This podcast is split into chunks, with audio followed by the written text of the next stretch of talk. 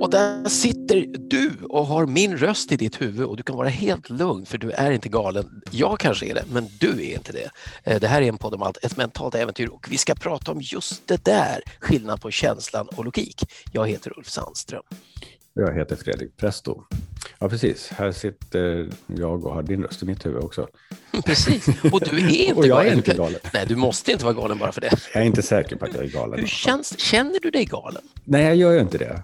Och jag skulle kanske rationellt kunna motivera varför jag inte är galen också. Och det är det vi ska prata om idag. Vad är det Exakt. som gör att vi tror att vi vet saker? Vad är det som gör att vi känner på saker? Vad är det att vi gör att vi kan intuitera? Vet du att intui- inuktitut, som nästan låter som intuitivt, är ett Eskimofolk, men det är en bisats. Du har skrivit en bok om intuition och ledarskap som jag gillar. Alltså, jag Ja, gillar den kul. jättemycket faktiskt. Och det var ju väldigt länge sedan jag skrev den, så jag kanske skulle formulera mig lite annorlunda idag. Men eh, Fast vet du, jag läste den nyss.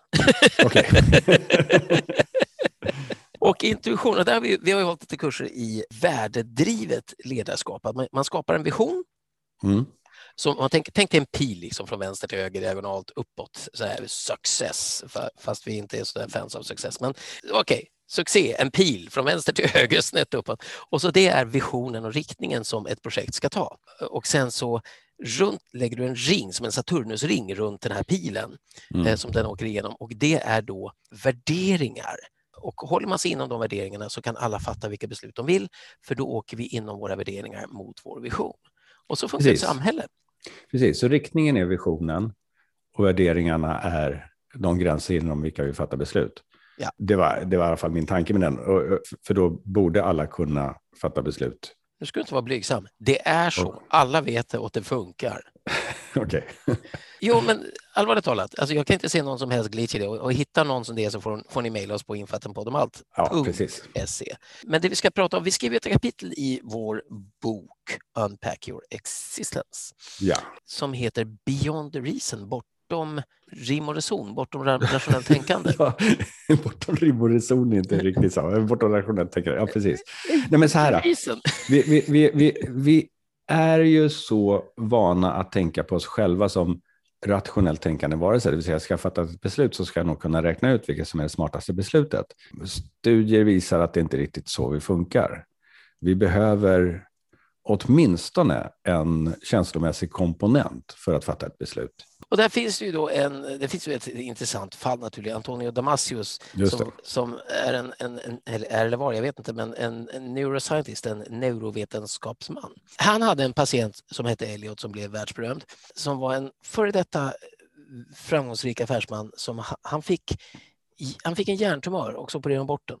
Mm. Och då, vad som hände var att han stack iväg och så kom han tillbaka ett år senare för en, för en uppföljning. Och hans intellekt, alltså hans rationella förmåga var samma, hans IQ var samma för Mm. rationellt tänkande. Men på något sätt hade man råkat klippa den röda tråden istället för den blå och hans exekutiva funktion kom inte längre i kontakt. Alltså hans beslutsfunktion i hjärnan kom inte längre i kontakt med känslor. Och då kan man tänka sig att, att han blev en kallhamrad affärsman. Ah, men vet du vad jag tänker beslut. då? Jag tänker Mr Spock. Borde han bli Ja, då. lite grann, eller hur? Mr. Eller hur? Eller hur? Bara rationellt tänkande och logik. Han kunde inte känna. Eh, Men vad som hände var att han, när han kom tillbaka hade företaget gått i konkurs. Hans fru hade skilt sig från honom. Och han var helt handfallen och klädd i trasor. Ja, och grejen var att han inte kunde fatta ett enda beslut. Så han, han skulle han skriva någonting så, vänta nu, ska jag ta penna med blått bläck eller svart bläck? Och så började han försöka räkna ut vilka som är bäst och vilka fördelar det har. Men eftersom han inte kände någonting så, så blev det en, en, en loop som han liksom aldrig tog sig ur. Det Påminner lite om den här sketchen, Aftonbladet och Expressen. Har du Okej. hört den? Ah, Jag vet inte. Ja, det är en gammal klassiker, om det är Gösta Ekman eller vad det är, så, som kommer och ska köpa kvällstidningen. Och så frågar jag, ja, jag vill ha kvällstidningen. Ja, ska du ha Aftonbladet eller Expressen? Ja, Expressen har ju den här grejen och Aftonbladet har den här och så börjar han försöka Mm. rationellt fatta det. Och det, det är inte så vi fattar beslut. Nej, och det där är ju också roligt därför att när man går sådana här tidningar som ska rådgöra oss vilken kamera, kylskåp eller råd och rön eller sådär, som man ska ta reda på. De jobbar efter något, något som blev berömt genom president Benjamin Franklin. Han gjorde alltid en sån här pro och con-lista. Fördelar och För nackdelar. och nackdelar med, med, med just en grej versus någon annan eller en grej i sig. Och här är grejen att om du bara har rationellt tänkande, då är en för och nackdellista så lång som du har tid och fantasi. Precis. Ja, så blir det ju. Så den kan ju fortsätta hur länge som helst. När folk, man, man någon gång har, om du någon gång har hört och suttit och lyssnat på en person som inte vet om de är kära eller inte i en annan person eller om det är en bra relation de är i. Det är så här, ja, alltså hon är ju snäll, fast hon kanske är för snäll. Och, och jag gillar hur hon ser ut, fast det är någonting med ena örat och jag vet inte, och, och det är som, då är man ju på helt fel ställe och Menar att det finns personer som tänker så med relation? Åh, så galet många. Alltså, oj, jag är glad jag får betalt ibland. Har du haft sådana klienter som inte vet? Jaha. Nej, men alltså, och det, jag tycker det är fascinerande alltså, och jag hjälper gärna både vänner och klienter med detta. Därför att då har man fastnat i en rationell loop där man tror att man med intellektet ska lista ut om man älskar en person eller inte. Och de har ju missat grunden i kärlek som är att det är en handling. Ja, precis. Du, kan, du kan lära dig att älska vem som helst om de bara inte är elaka med dig. För att om de tar emot din kärlek och ger tillbaka och du tar emot deras, then you're in love. Ja. Nu lät du lite sådär, ja, fast. Är det verkligen så enkelt Ulf? Du låter så positiv. ja, men, ja det, finns, det finns flera komponenter också. Nej, det finns inga andra. Jo, det, det är klart det gör. Men i princip. Ja, nej, jag- alltså, det är det som är kärlek, det håller jag med om. Det har vi väl redan poddat om här för mig. Just det. En Mm. podd om allt borde innehålla allt. ja, precis. Den kan bli lika lång som Benjamin Franklins lista. Ja, Ja. och den den med listan, är, alltså det är, Elliot då visar ju liksom vad som händer om du har en sån här lista och inte har någon känsla.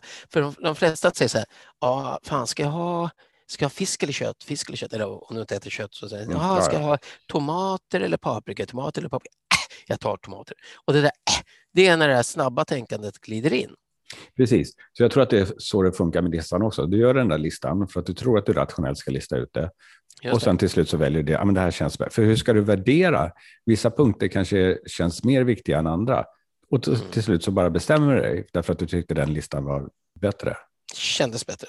Ja. Och här kommer vi då in på det. Exakt. Vi, vi nöjer oss, vi är ju extrem djupdykare i saker. Vi är liksom utforskonauter. Vi kan inte nöja oss med detta. Så vi gick till de gamla romarna och grekerna naturligtvis, dit vi ofta Mm. går, för att de kunde allting redan då och sen har det gått tusentals år av kulturskymning. Men de hade ju en, en idé om att du befinner dig i en vagn och du utgår, nu utgick, ju de från den tidens teknologi. Mm. Ja. Eh, Du befinner dig i, ett vagn, i en vagn och så har du två hästar som drar vagnen. Och den ena hästen är logiken och det rationella tänkandet och den andra hästen är känslan. Och om du låter en av hästarna dra vagnen så går den i cirklar. Så enkelt är det. det. Och när både känslor och intellekt är igång samtidigt så drar den framåt. Men sen har vi att det är skillnad i hastigheten internt i vårt logiska tänkande och vårt känslomässiga. Vad var det du sa när du beskrev eh, hur intuition fungerade? För det är ju, det är ju exakt precis det det är frågan om. Vi brukar hänvisa till Josef Garneman, fast and slow thinking. Fast thinking det är när vi tänker med våra sinnen och korskopplar saker så snabbt så att vårt, vårt medvetande inte hinner med. Och sen slow thinking är när vi, vår, vår hjärna kopplar in sig i vårt medvetande och säger vänta lite, hur var det? Mm. Nej, men så här då. Intuition, det är om, om man vet att någonting är rätt eller är på ett visst sätt utan att man vet varför. Och för att då, och ibland kan man bara liksom agera utifrån det, which is fine.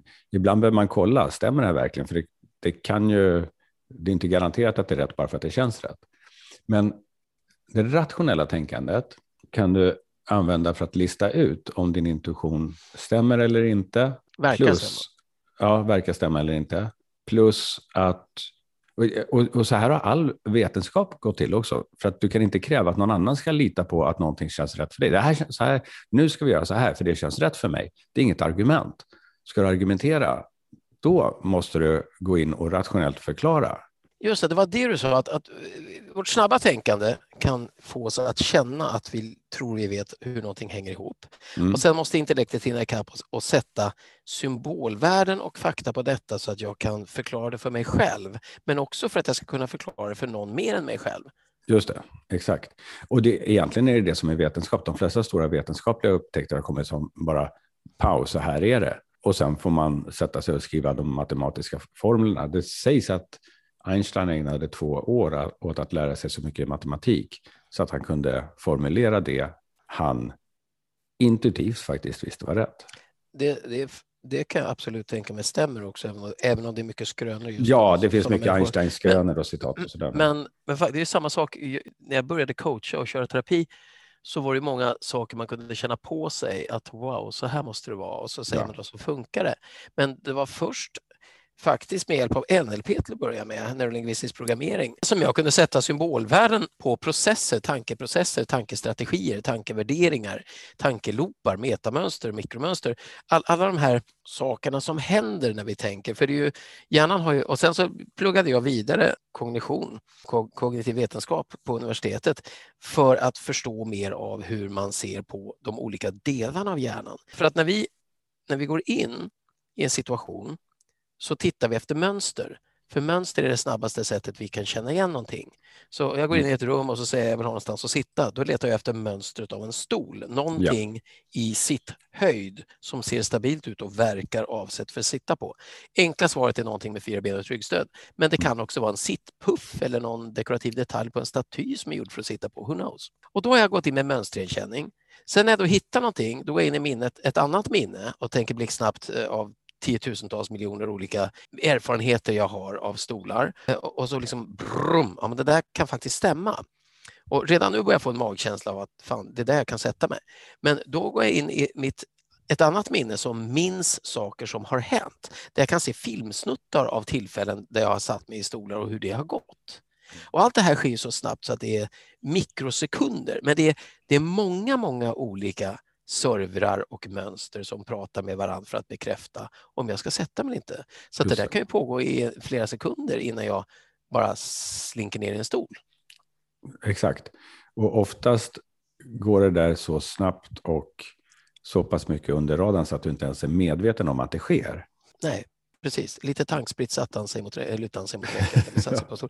och vi, för vår hjärna kan, har faktiskt kapacitet att göra andra saker medan det här undermedvetna håller på. Så på ett plan letar jag efter någonstans att sätta mig och på ett plan sitter jag och funderar på om jag har formen för relativitetsteorin eller hur man ska logga gulasch. Så att, eh, och det är det som gör att du har det snabba tänkandet och det långsamma tänkandet. Så jag skulle säga att den, den, vad var det du sa, den logiska rationella hästen Mm. Om vi nu utgår från den ja, ja. Den hästen letar i massa olika delar av våra minnen och fakta och slutsatser och lärdomar som har med symbolvärden att göra.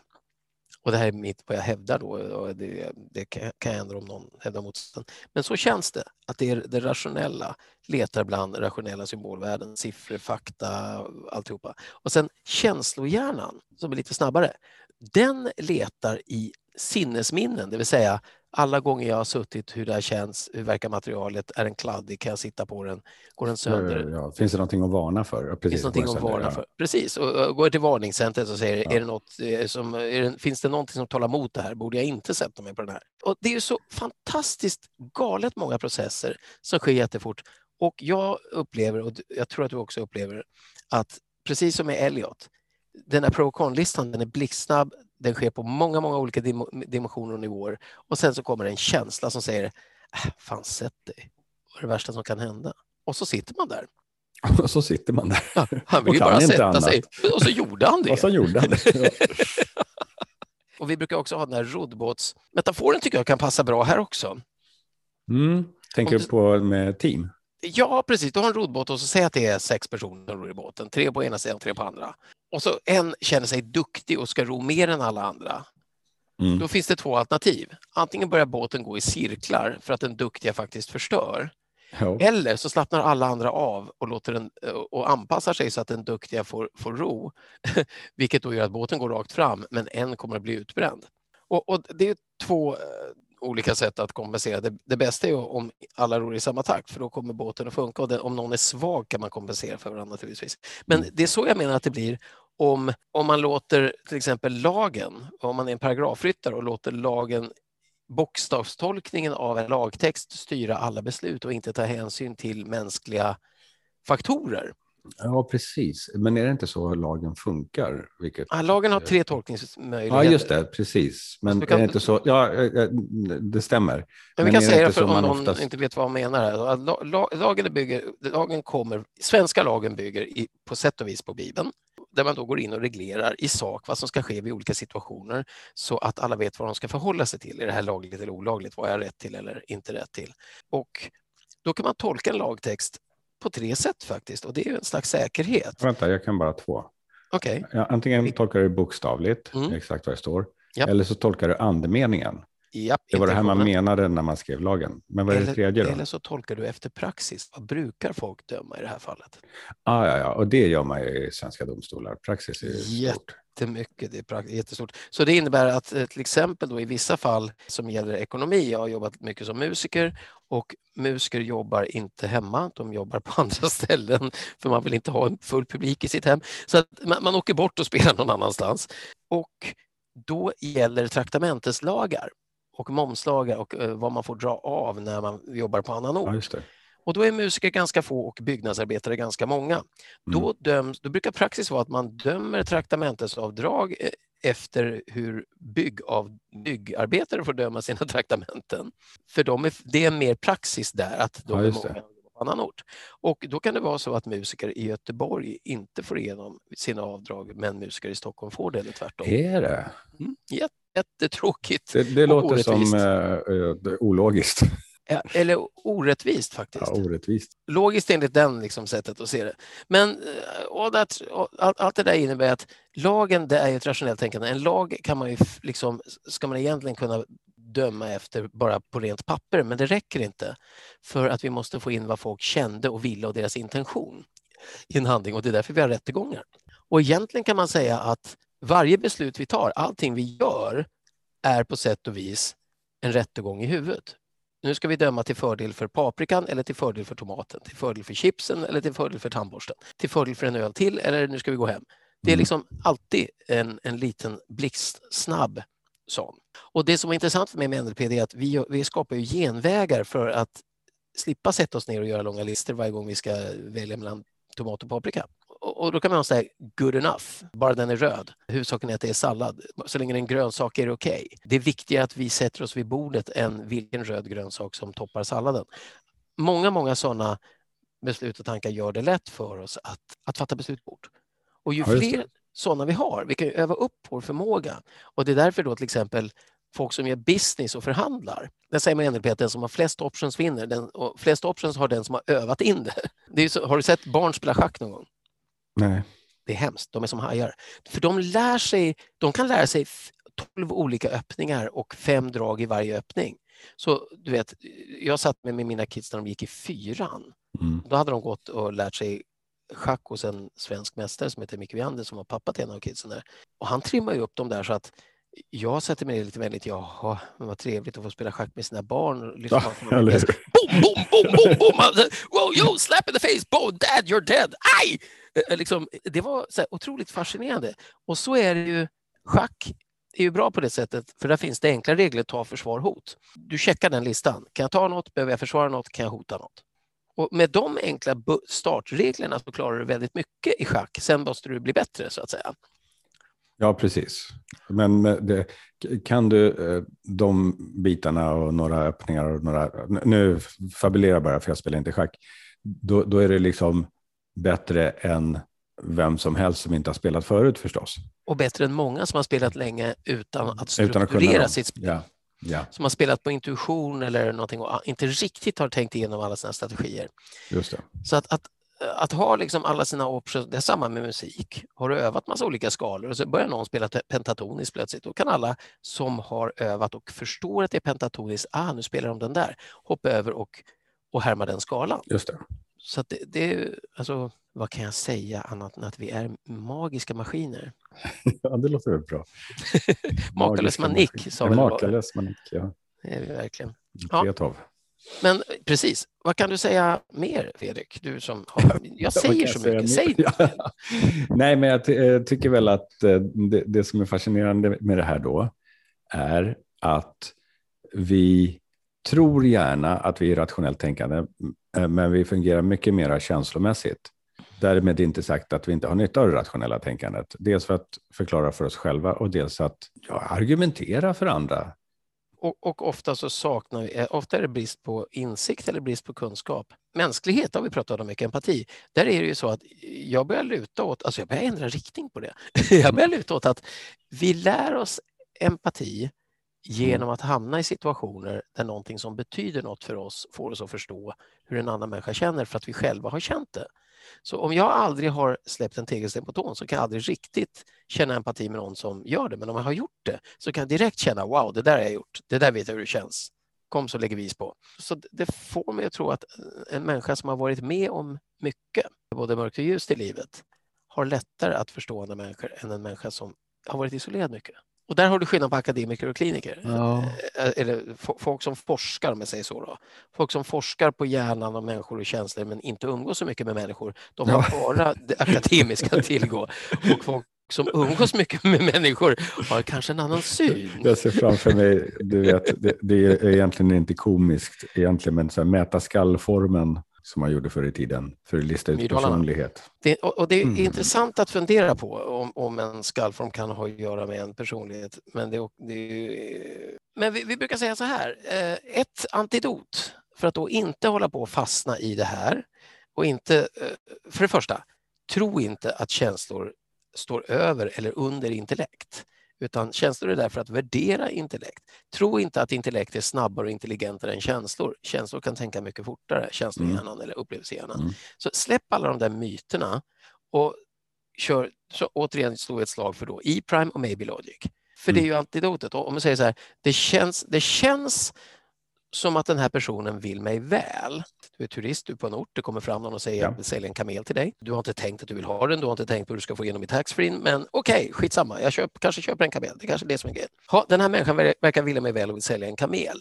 Det känns som att personen är ärlig. Vad bygger mm. det på? Har jag någon erfarenhet av personer som ser ut så här, har det här minspråket, det här språket, vet jag något om traditionerna i landet? Och fakta, liksom. massa fakta mm. som jag skulle kunna ha. Eller Ja, det här påminner om när någon försökte sälja en ren till mig i Jokkmokk. Och jag minns att det var någonting som var lite lurt den gången. Mm. Då kommer, kan någonting vara lurtmönstret in där. Just det, och har du aldrig varit med om eh, det så har du ingen, ingenting att referera till. Och, och återigen, det där kan ju också vara en blixtsnabb eh, minnesfunktion. Eh, det är kanske inte ens så att du just i det ögonblicket kommer att tänka på ren-affären. Utan nej. du bara så här, nej jag ska inte Någonting ha känns fel. Ja, Någonting känns fel. Och, och, och sen vill hjärnan då komma på, ah, för det där, och då är det så här lättnad, åh, oh, nu vet jag varför jag kände det. För när vi inte förstår så blir det magiskt tänkande. Två saker då skulle jag säga som, som varning. Tro inte bara för att du känner det, att det är sant, utan det beror, att du känner det. det gör att det finns någonting som talar mot det. Ja, men det är viktigt. Det är viktigt. Det håller jag med om. För, så vi sitter inte här och säger att allt du känner är rätt. För, för det, är inte det, det är inte det det handlar om och det är många som tror att det de känner är rätt och, och faktiskt behandlar andra på det sätt de själva tycker är rätt istället för hur de andra tycker är rätt. Ja. Men maybe logic kan man säga på ett sätt är att säga ja, det kanske är så. Det här talar för det. Och då är vi inne, då är vi inne lite på pros and cons. Mm. Eh, och, och så det här talar mot det. Och så kan man hålla de två samtidigt och förstå att lite talar för och lite talar emot, men jag vet fortfarande inte svaret och det är okej. Okay. Och då har vi skapat coachingmyntet som hjälper oss med Maybe Logic. Ja. Som faktiskt där du flippar den här coinen och så står det på ena sidan tänk om det är så. Vilket är Maybe Logic för. Och så flippar du den igen och vänder på den och så står det tänk om det inte är så. Och då kan du istället för att lista ut kan jag lita på den här människan? Så säger du om det är så att jag kan lita på den här människan, vill jag då ha en kamel? Ja, det kanske jag vill. Och då kan jag mm. köpa den. Tänk om jag inte kan lita på den här människan, borde jag köpa kamelen? Nej, jag skulle kunna vänta och sova på saken och se om den är kvar imorgon. Och, och då är det lättare att ta eller jag vill, ha, jag vill veta mer, jag vill kolla med polisen om man verkligen får äga kameler här. Så att de två frågorna hjälper dig att använda Maybe Logic. Och sen E-prime, vad säger vi om det? Ja, det är ju att man inte använder ordet är. Och det är inte, det är inte, så, det är inte så att man inte får använda det, men det är ett sätt att tänka. Så att istället för att säga det här är en bra idé, så säger du just nu upplever jag den här idén som bra. Eller det här verkar vara en bra idé. Ja. Verkar gillar jag mycket med, med Prime. Jag verkar, inte, jag, jag verkar stå och hålla på att köpa en kamel. Vill jag verkligen göra det? Ja. Eh, Jag verkar tro att jag kan lita på den här personen. Helt plötsligt så kan hjärnan hitta andra sätt att se på det och använda fler verktyg. Och, och det är väldigt bra. Det är ot- otroligt användbart att inte vara bombis på saker utan Ja. verkar, what if it is, what if it isn't, där har du liksom Tänk om det är så, tänk om det inte är så. Otroligt bra verktyg. Och då, då kliver jag faktiskt in på det som jag ofta gör, affirmationer. Mhm. Det finns ingen maybe logic och det finns ingen e-prime i att säga jag klarar det här, jag kan visst ha en kamel, jag klarar det här, jag, jag gillar kameler, kameler är bra att ha. Eller jag älskar mig själv eller jag kan nog eh, gå över de här brinnande kolen. Och så tror man att bara för att man säger det så blir det sant. Och att ju mer jag förklarar för mig själv att jag tycker om mig själv eller kan göra något, desto troligare blir det att jag klarar det. Det är ingen bra idé. Jag brukar göra med klienter, om jag, om jag, skulle, om jag, om jag skulle vilja säga tycka om mig själv mer, men jag just nu inte, jag just nu inte tycker om mig själv, Mm. vilket är mm, ganska vanligt. Vilket är otänkbart. Du som är så snäll. Ja, för, för mig, jag menar bara ta ett exempel. ja, jag tycker om mig själv. Men jag har ju gjort affirmationer. Exakt, fast, fast riktiga. Okej, förklara nu. Jag vet vart du är på väg. Är. Nej, eh, tricket är så här. Föreställ dig en dag i framtiden när det kanske har gått två år, när du har vant dig vid att tycka om dig själv. Och då kan du börja prata nutid, fast i framtid. Nu, när du är en person som tycker om dig själv i framtiden.